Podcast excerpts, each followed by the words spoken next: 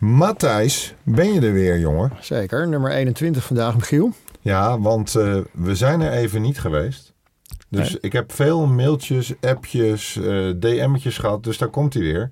De 21ste hypothekenpodcast met Matthijs Mons. Nou, daar is hij weer. En uh, ja, Michiel, we moeten denk ik wel even stilstaan bij het feit dat jij niet meer directeur bij Van Brugge Adviesgroep bent, maar tegenwoordig directeur bij TAF. Ja. Heel even kort voor ons luisteraars. Uh, wat is er gebeurd, jongen? Nou ja, na vijf jaar vond ik het een mooi moment uh, om uh, als campingbeheerder de sleutel van het campinggebouw en de camping over te dragen. En die is nu in goede handen bij nou ja, de familie Veldzink, zoals we daar eerder over gesproken hebben. En dat leek me weer eens een leuke uitdaging om TAF naast marktleider op het gebied van overlijdensrisicoverzekeringen, nou ja, ook de stap te maken naar arbeidsongeschiktheid en andere markten. Maar het leuke is, deze podcast wordt nog wel mede mogelijk gemaakt door Van, Van Brugge Adviesgroep. Dus Precies. dat is wel een hele leuke combi. En we hebben vandaag een hele bijzondere gast, Matthijs. Ja, Die we zijn eigenlijk wel heel erg vereerd dat we Marieke Blom, chief economist van uh, ING, als gast hebben vandaag. We hebben onze hele wachtlijst uh, doorbroken om Marieke te kunnen uitnodigen. En kwam meteen top of, uh, of de list te zetten. En Marieke heeft ja gezegd. Dus wij zijn eigenlijk heel vereerd.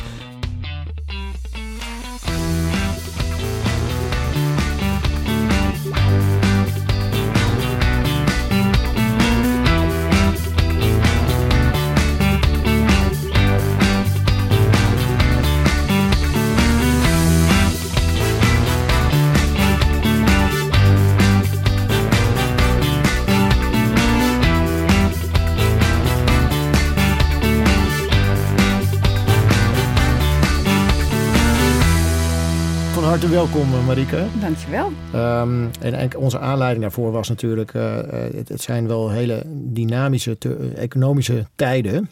Ja. Um, dus, dus, voor jou is dat natuurlijk uh, gesneden koek om daar ons eens wat meer over te gaan vertellen. En dat was, ja, we proberen gewoon eens de ontwikkelingen in, die, in, de, in de economische global situatie te duiden en, en dat te vertalen naar de hypotheek- en de woningmarkt.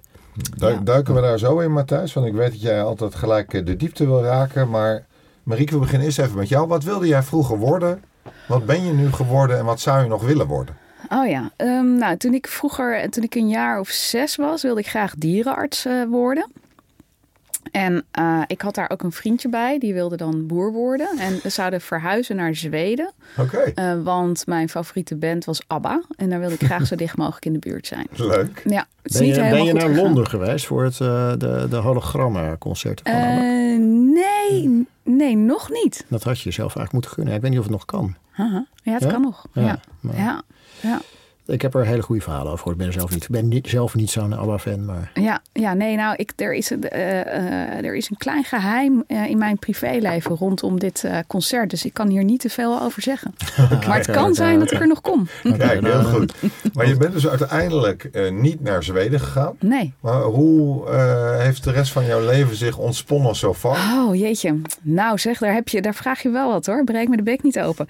Um, ja, dus heel kort. Zeg maar, ik dacht ooit, ik wil psycholoog worden. Want ik uh, ga dan psychologie studeren. En daarna kan ik dwars door mensen heen kijken.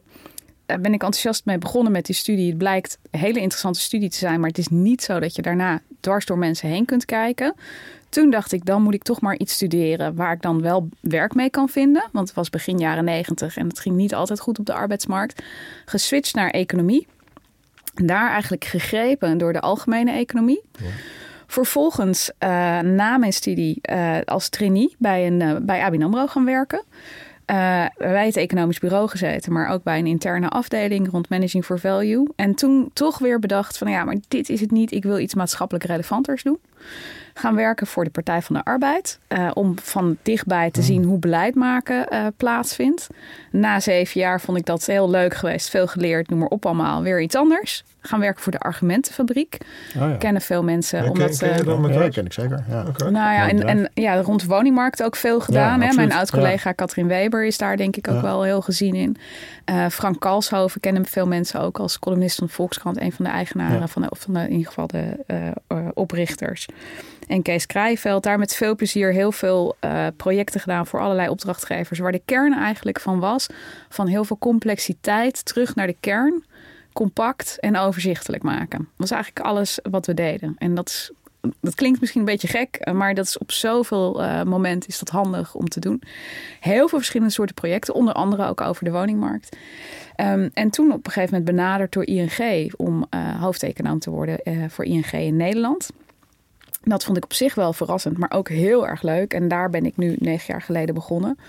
Um, en daar komt, hè, ik denk dat dat uit complexiteit weer overzicht creëren. Dat is wel echt heel erg de rode draad in mijn, uh, mijn loopbaan. Mhm. En het raakvlak mhm. eigenlijk ook van de publieke sector en de private sector. Dus komt eigenlijk wel heel veel terug in wat ik doe. Um, dus uh, uh, nou ja, daar nu al negen jaar hoofdeconoom. Eerst voor Nederland en nu voor de hele wereld. Dus mijn team zit ze van, uh, vanaf uh, Seoul, denk ik, het verste weg de ene kant op en New York uh, het verste weg de andere kant. Kun je ook legitiem naar Zweden weer zometeen natuurlijk. Ja, daar hebben we geen mensen zitten, nee, dus dat, scheelt dan weer. Dat zijn die ja. Zweden. Hey, Matthijs, compact en overzichtelijk. Dat heeft een beetje te maken met jouw kledingkast, denk ik. Want die ziet er ook compact en overzichtelijk wel, uit als ik jou zo meemaak.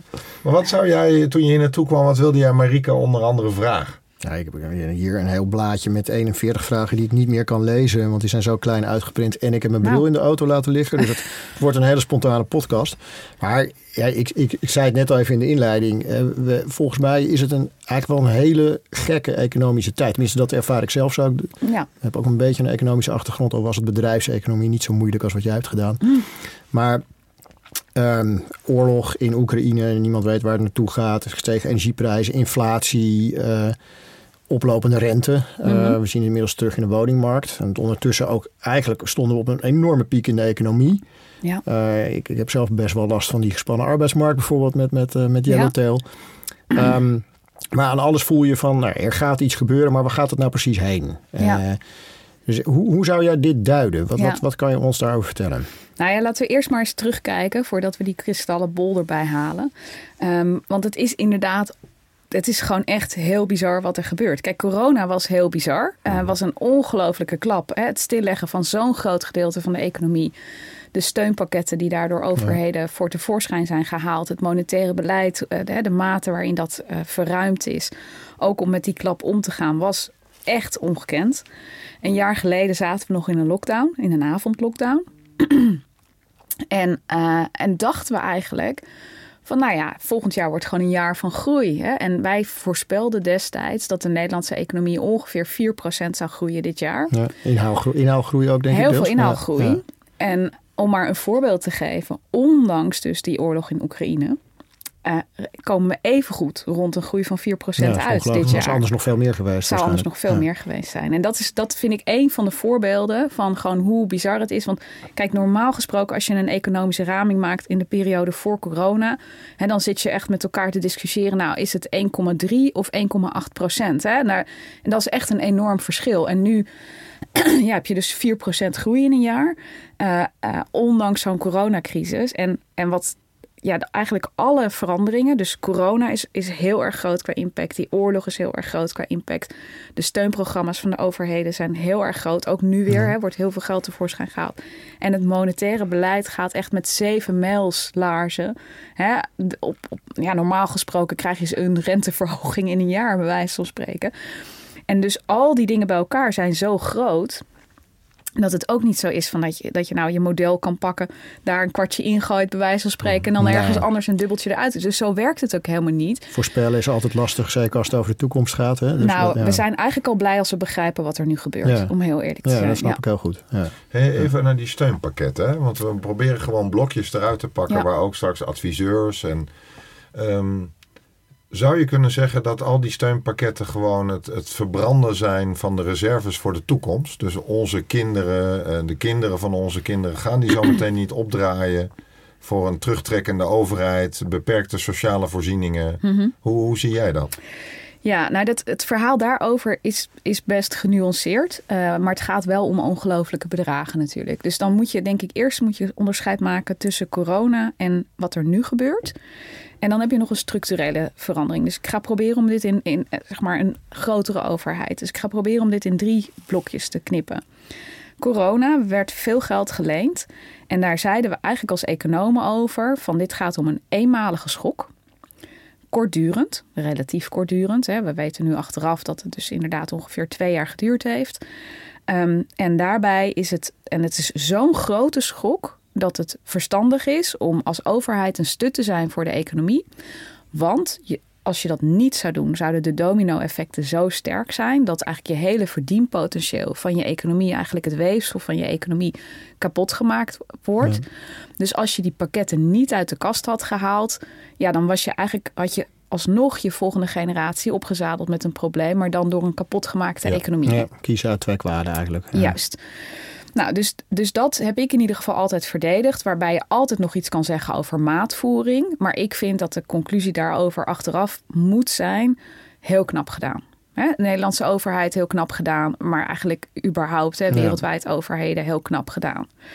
Um, dus ik denk dat dat het eerste gedeelte is. En dat heeft wel eenmalig natuurlijk een effect gehad op onze staatsschuld. Hè? Uh, door die bedragen die erbij zijn gekomen. Met toen nog een hele lage rente. Uh. Ja, precies. Wat, wat de Europese Centrale Bank ook creëerde om mogelijk te maken dat overheden dat zouden doen. Hmm. Want zou je zeg maar op, een, op dat moment niet die steun vanuit de ECB gehad hebben, dan waren de financieringskosten voor overheden heel sterk opgelopen. Dus zij hebben eigenlijk hmm. gefaciliteerd dat overheden dat deden.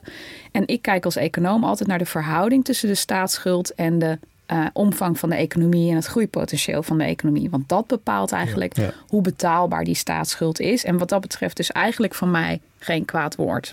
blokje corona, zien. Goed, Vink, goed gedaan. Vink, ja, een dikke krul, uh, mooi cijfer. En, en, en, je hoort wel eens mensen zeggen van maar er zijn ook wel heel veel bedrijven in de lucht gehouden toen die anders ook kapot waren gegaan als er helemaal geen corona was is, geweest. Is waar uh, en is collateral damage, maar is denk ik maar een klein gedeelte van het verhaal. En dus, dus dat verhaal wordt in Nederland heel sterk verteld. En ik vind dat een beetje zeg maar alsof je zegt van nou weet je wel, je hebt negen van de tien dingen goed gedaan, maar ja, hè, dus het die belicht van het negatieve is dat natuurlijk. Dan. Ja, en dan is het dus belangrijk om je te realiseren van ja, natuurlijk gaan er anders bedrijven failliet. Maar het is niet zo dat normaal gesproken in zo'n periode van twee jaar, ik noem maar wat, 10% van de bedrijven failliet zou gaan. Hè? Nee. En, en zelfs niet 10% van de bedrijven die je gesteund hebt, zeg maar onder normale marktomstandigheden. Dus je moet je steeds afvragen van is het nou echt zo dat er heel veel, hè, zeg maar dat er echt een grote hoeveelheid in de kern ongezonde bedrijven in leven is gebleven? Mijn antwoord daarop is nee, dat is niet het geval. Klein beetje. Okay. We hebben het eerste blokje gehad. Ja, ja nog steeds een krul en nog steeds een goed zijn. Ja, ik, ik, ik, had het net al even over, uh, over de lage rente. Inmiddels kunnen we het niet meer over lage rente hebben. is best hard gegaan. hypotheekrente alleen al mm -hmm. is geloof ik keer drie nog wat gegaan in een jaar tijd. Uh, aan de andere kant zou je kunnen zeggen, een rente van 4, 5 procent is, is historisch gezien helemaal niet zo dramatisch. Um, maar het is wel heel hard gegaan. Ja. Um, en ik weet zeker dat ik je niet kan vragen van wat gaat de rente verder nog doen. Hè? Maar als we nou eens de, de, de positie van de ECB pakken, die, die inflatie is super hoog. Mm -hmm. uh, hoe krijgen ze daar grip op? En, ja. en wat gaan ze dus doen? Wat is jouw verwachting, jouw best guess ten aanzien ja. van het rentebeleid? Ik zit wel heel erg in mijn hoofd met die andere twee punten nog hoor. Ja, dus, dus, dus ik, ik denk de, luister, de luisteraar ja, ook, zeg maar. even blokje 2. Mag ook. De rentes komen straks. Pak even blokje 1. Vink was corona. Ja. Oké. Okay. Nou, nou, enkel. Uh, zal ik die andere zal ik wat korter doen? Want anders dan wordt die luisteraar er ook uh, gek van. Nee, maar ik vind dit heel uh, interessant hoor. En okay. de luisteraar ook, denk ik. Blokje 2. Huidige energiecrisis, zeg maar koopkrachtcrisis. Mm -hmm. is buitengewoon pijnlijk. Ik heb daar als econoom eigenlijk een heel hard medicijn voor. Dat is grotendeels de pijn accepteren. Hè? Want dat is een. Het is niet een tijdelijke, maar een blijvende verandering. Um, en ja, je moet je daar eigenlijk zoveel mogelijk op aanpassen. En het is eigenlijk verstandig om zoveel mogelijk die aanpassingsprocessen hun werk te laten doen. Dus lees, bedrijven uh, moeten zich aanpassen en met minder mm. energie, van minder energie gebruik maken. Huishoudens ook moeten gaan isoleren, noem maar op allemaal. Dat je, is het... je zegt tussen neus lippen door even, het is niet een tijdelijke, maar een blijvende uh, aanpassing. Wat maakt dat je dat zo stellig zegt? Ik denk dat de energie voorlopig duurder blijft. Hè? En, -hmm. en pas als we er ooit voor zouden kiezen, hè, zeg maar, en het mogelijk zou zijn uh, om weer een goede relatie met Rusland te hebben, dan zou dat überhaupt een optie zijn om dat te veranderen. Maar energie blijft voorlopig stukken duurder dan het ja. hiervoor Ja. En dat is de realiteit waar wij vanuit redeneren. En dat wil niet per se zeggen dat het op de huidige prijsniveaus blijft. Hè, als ik kijk naar gas uh, en elektra bijvoorbeeld, maar wel duidelijk hoger dan het hiervoor was. En dat moet je eigenlijk zien als geld wat je land gewoon verlaat. Want wij zijn een energieimporteur. Dus wij betalen dat geld vooral aan het buitenland. Um, en dat betekent dus dat je, dat je dus eigenlijk niet zoveel anders kan doen dan A, zorgen dat je zo min mogelijk energie gaat gebruiken. Hè, gewoon besparen. Um, en B, dat je zo snel mogelijk overgaat op energie die je zelf kan opwekken. Dus zo snel mogelijk over op hernieuwbaar. Nou, dit is eigenlijk het kille economenadvies. Met, met een hele belangrijke maar daarbij. Dit raakt natuurlijk precies de mensen die het niet kunnen hebben. Want die besteden als percentage van hun inkomen gewoon duidelijk meer aan energie daar moet je, als econoom zeg je dan, op herverdelen. Dat betekent dat mensen waarmee het goed gaat, dat die meer van de pijn moeten nemen. Mensen die het niet kunnen hebben, dat die minder uh, pijn zouden moeten nemen. Dus je moet gaan herverdelen. Politiek absoluut geen populaire boodschap. Nee, hè? nee maar die kan ik wel zien. Ja. Maar dat is, dat is eigenlijk. Het is echt een hele gekke tweedeling die je anders krijgt. Dus, uh, precies, ja. precies. Maar dat betekent dus, oké, okay, het kost je miljarden dat, dat, uh, dat, dat je energie zoveel duurder wordt. En die miljarden, daar mag maar een klein gedeelte van gedragen worden door mensen met een echt laag inkomen. En dus extra nog door mensen met een hoog inkomen. Nou, je voelt wel aan hoe moeilijk dat is. En wat is de oplossing van het kabinet geweest? Nou, eerst hè, ging dan, kwamen er hele grote steunpakketten. En die gingen dan eigenlijk iets meer naar mensen met een hoger inkomen. Nou, dan hebben ze dat iets verbeterd. En hebben ze het eigenlijk zo gedaan dat er ongeveer evenveel naar mensen met een hoog als met een laag inkomen gaat. Nou, daar kan ik niet heel enthousiast van worden. Ja. Ook niet omdat ik weet dat die coronasteunprogramma's, wat daar gebeurde, was ja, hè, eigenlijk de overheid maakte geld over aan het bedrijfsleven. Het bedrijfsleven betaalde zijn werknemers door. Hoe hoger je loon, eigenlijk indirect, hoe meer steun van de overheid erbij ja. terecht kwam. Werd niet uitgegeven door mensen, kwam allemaal op de spaarrekening terecht. En nu gaan we nog een keer heel veel geld uittrekken om eigenlijk hè, toch relatief sterk die, die groep met een hoog inkomen te stutten. Nou, ik voel natuurlijk heel goed aan waarom dit allemaal politiek niet erg makkelijk is. Hè? Want er zullen veel mensen zijn die zeggen: ja, maar makkelijk heb ik het niet. Mhm. Nee, dat hè, maar dat is het ook natuurlijk. Dit zijn geen makkelijke tijden. Hè? Dit zijn, bedoel, gebeuren, we krijgen twee grote economische klappen achter elkaar. En ja, de logica is dat we daar ook iets van voelen met z'n allen. En wat de politiek nu doet, is eigenlijk bijna, hè, zeg maar, dat is niet helemaal, want, want met name ook bij lage inkomens is de pijn alsnog uh, stevig. Maar is bijna proberen te voorkomen dat we er ook maar iets van voelen. En, en dat, ja, weet je, daar vind ik wel echt, dat is geld van toekomstige generaties, wordt allemaal ja. geleend. Uh, gaat voor volgend jaar om uh, ongeveer 3% van het BBP. Dat is een ongelooflijk bedrag. Ook in verhouding tot die schok. Hè? Want mm -hmm. ik had het dus net over. Corona was een eenmalige, een hele diepe schok. En dit is zeker ook pijnlijk voor de economie. Maar dat stutargument wat bij corona zo belangrijk ja, gaat was. Niet op. Hè, laat dat weefsel van je economie niet zomaar kapot gaan. Gaat hier veel minder op. Ja. Veel en veel minder. Ja. Okay. Ja, is kritisch. Wat, hey, je geeft net aan, het is waarschijnlijk in ieder geval voorlopig behoorlijk blijvend, die hoge energieprijzen. Ja. Um, maar hoe lang kan onze overheid dit volhouden? Met die miljardensteun, je geeft aan 3 procent. Nou ja, kijk, dat we hebben, natuurlijk, we hebben gewoon een hele la, lage staatsschuld om mee te beginnen. En, en hoe lang kan je het volhouden? Ja, je kunt je staatsschuld verder opbouwen. Hè? Ik bedoel, dan ga je rente opbetalen. Maar ja, die rente is nog steeds, is niet hij is niet meer zo laag als hij was, maar is nog steeds relatief laag. Dus zolang als de financiële markten je nog als een betrouwbare partij ziet, zien, zeg maar, ja, dan kan het lang aan. Hè? Je ziet in het Verenigd Koninkrijk, hebben we even gezien, Ja, van precies. wat als je. Het kan heel echt- snel gaan met vertrouwen natuurlijk. Ja. Ja, zeker. Nou, nou is dat natuurlijk ook één land met één eigen munt. Hè? Dus dan, dan versterkt dat nog wat die mechanismen. Maar eigenlijk zit daar een soort van grens. Hè? Als op het moment dat je onhoudbare plannen gaat maken en je raakt het vertrouwen van de financiële markten kwijt. Dan kan het niet meer. Hè? Dus daar, daar ligt eigenlijk de grens. Maar er ligt natuurlijk ook een, een verantwoordelijkheid hè, om die problemen. Want, je, want het is wel zo dat je geld leent. En dan is misschien niet het probleem dat je het niet meer kan financieren. Maar wel dat het op termijn ook betekent dat je wel die financieringslasten meedraagt. En dat geld kan je niet voor andere dingen Ja, besteden. exact, dus, dus daar wilde ik nog even op inzoomen. Dus blokje 1 is corona. Ja, Blokje 2 is zeg maar de energieplafonds en alles eraan doen om, om huishoudens overeind te houden. ja, Nou, daar- heb je net van gezegd wat je daarvan vindt. ja. En wa- wat is dan blokje 3? Nou, wat er ook nog gebeurt, is eigenlijk een meer structurele beweging. waarin je ziet dat de overheid aan het groeien is. En eh, dat heeft alles te maken ook met de afgelopen jaren. hè. Dus corona heeft ons heel erg laten zien hoe belangrijk het is om sterke overheid te hebben. Uh, onderwijs is een groot issue geworden. Er is daarvoor een kaalslag geweest in het openbaar bestuur. Maar wat we, waar ik nu net uh, vanmorgen mee bezig ben geweest, is een analyse over de ontwikkeling van de werkgelegenheid in Nederland. En wat je ziet is dat er met name bij de overheid een enorme werkgelegenheidsgroei is geweest. Veel sterker dan in de marktsector. Nou, daar moet je je bij voorstellen allerlei. Hè? Dus een nationaal programma onderwijsgelden bijvoorbeeld. Maar ook alle subsidiemiddelen die voor de vergroening bijvoorbeeld bedacht zijn. En wat je mhm. ziet is dat onze overheid bezig is om structureel groter te worden. Um, hopelijk ook sterker daarmee. Hè? Al kun je daar zeer over discussiëren of dat altijd wel hè, op een slimme manier besteed wordt. natuurlijk. Ja. Maar wat, je, wat ik als econoom gewoon zeg is als je als dat is wat je belangrijk vindt, hè, zou ik er goed over nadenken of je het geld goed uitgeeft. Maar dan moeten er hogere lasten bij horen. En die discussie hebben we nog niet. Nee, en die discussie hebben we nog niet gehad met elkaar. Oké.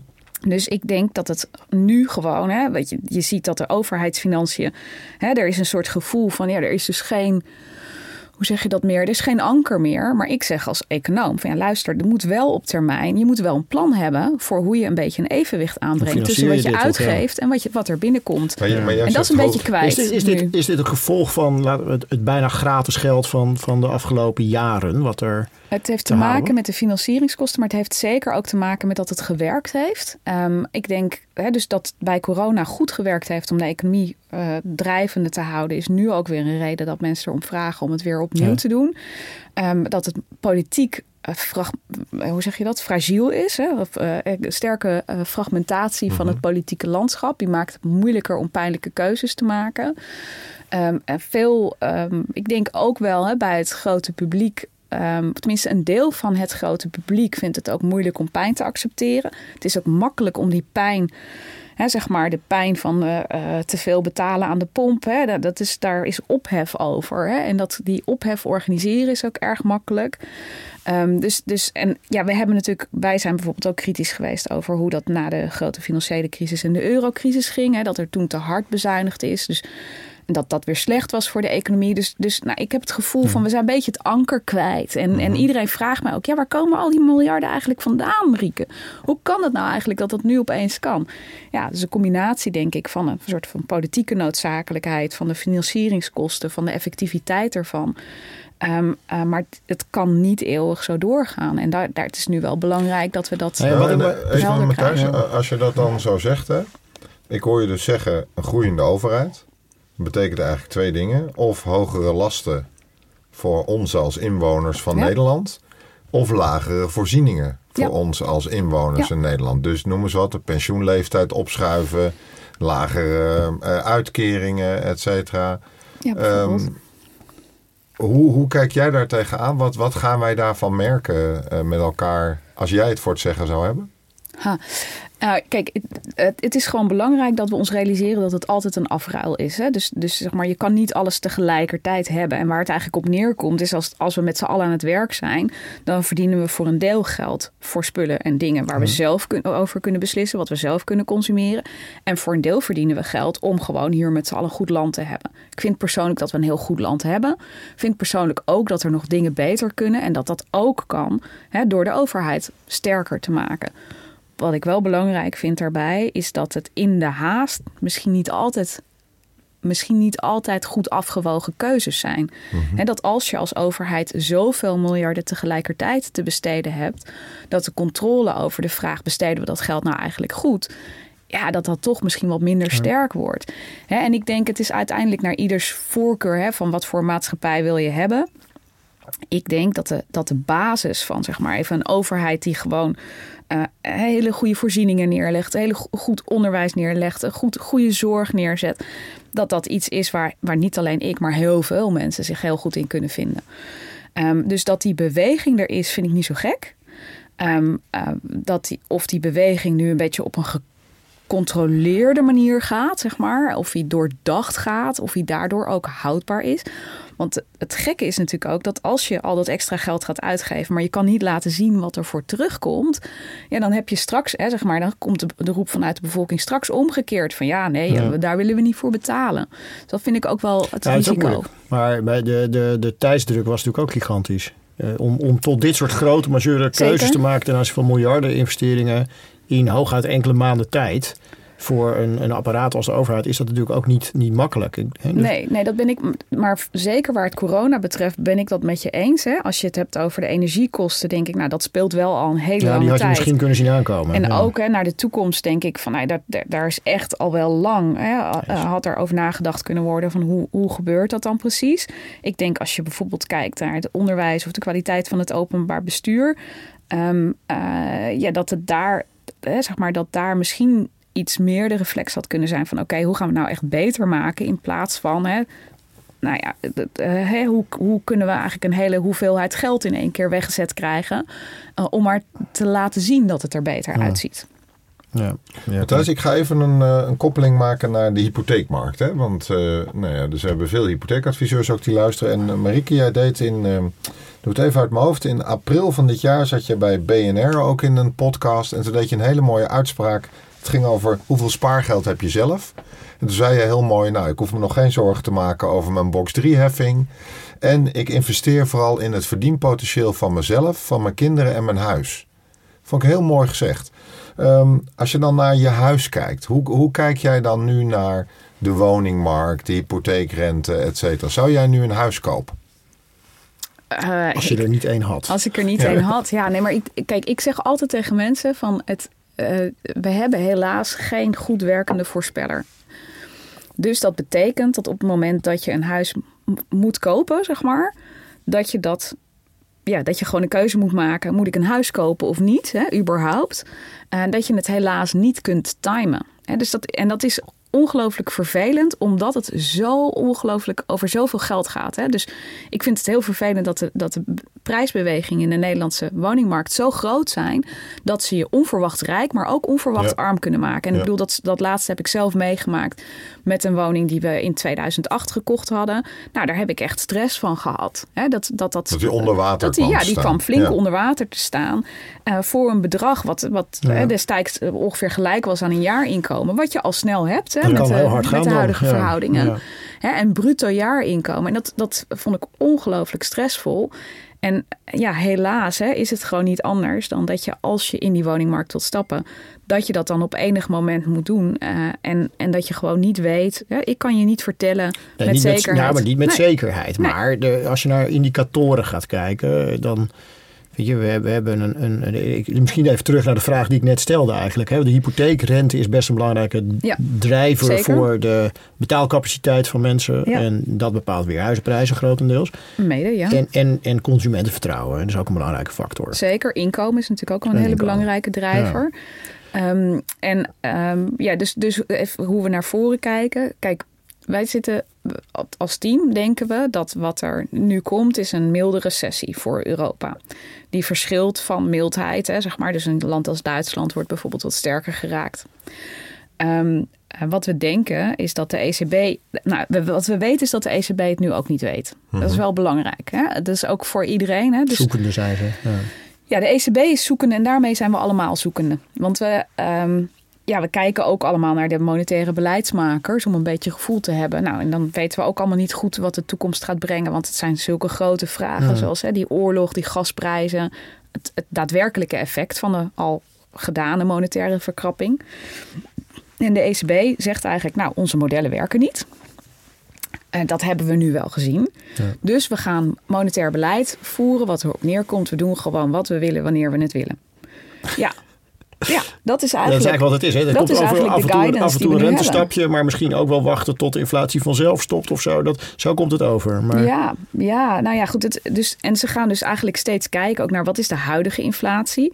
Ja, die huidige inflatie, dat hebben we toevallig gisteren in Nederland. Hè, zag je dat de inflatie opeens zomaar, hè, Ja. wat is het, 5 procentpunt daalt. Hè, van beneden 17 naar, eh, Ja. eh, ja, als ik het goed zeg hoor, van 17 naar 11. Nou, dat is 11,2. ja, de 11,2 weet ik zeker. Ja. Het startpunt weet ik niet 100% zeker. Maar in ieder geval een waanzinnige daling.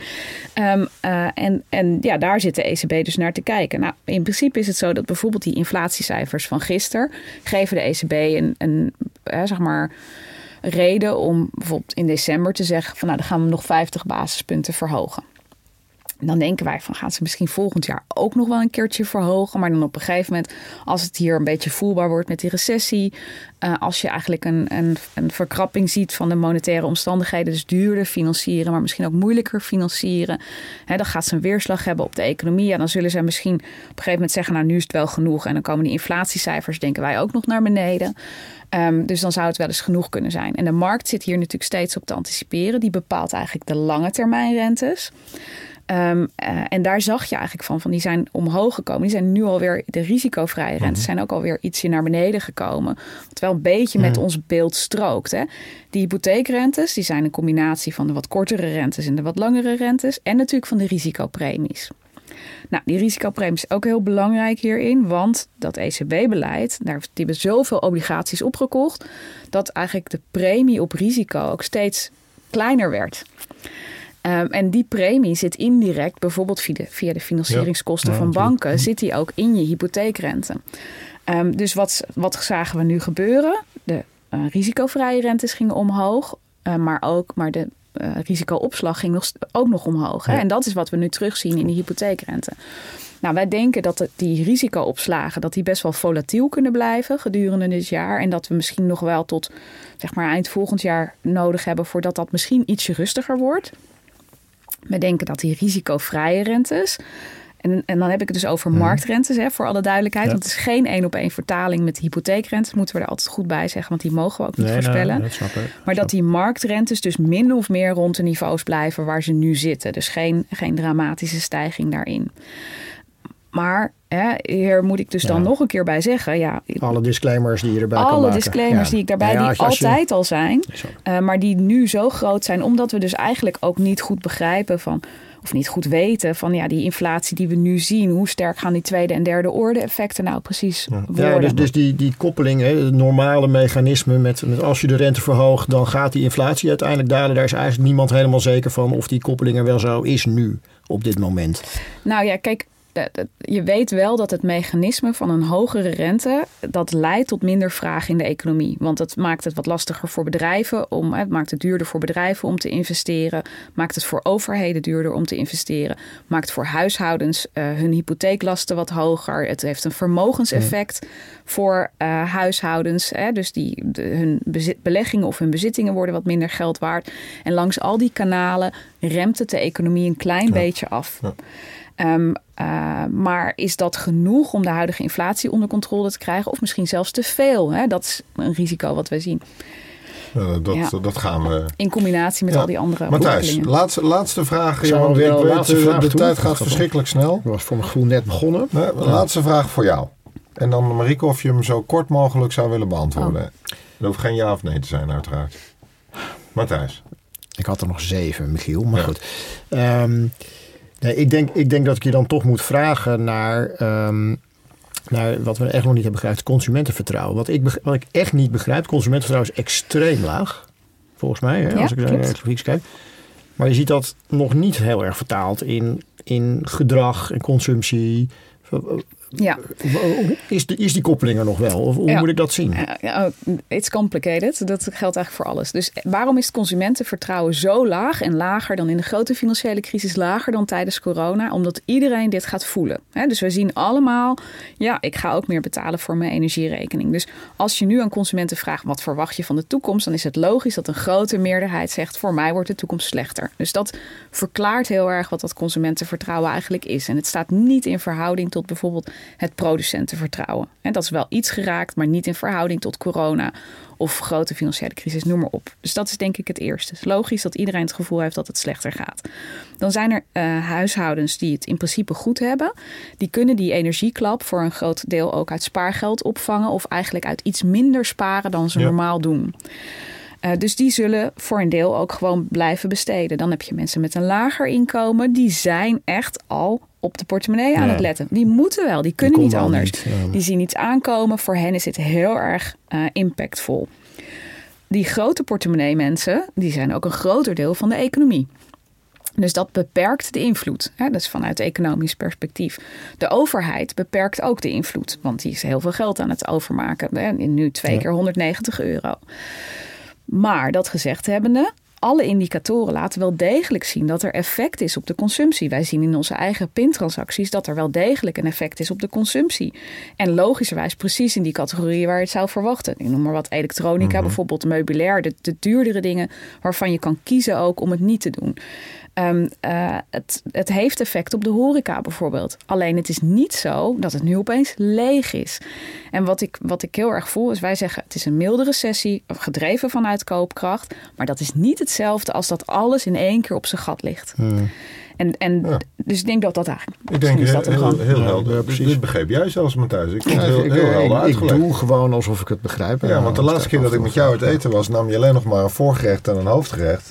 In plaats van voorgerecht, hoofdgerecht en een dessert. Nee, dus ook jij. Ja, ja, absoluut. En nog één ding om toe te voegen. Vergeet niet dat we een jaar geleden dus nog in die avondlockdown zitten. Dus alle cijfers die je nu ziet, vergeleken met een jaar geleden, zien er fantastisch uit. En daar wordt heel vaak de vergelijking mee gemaakt.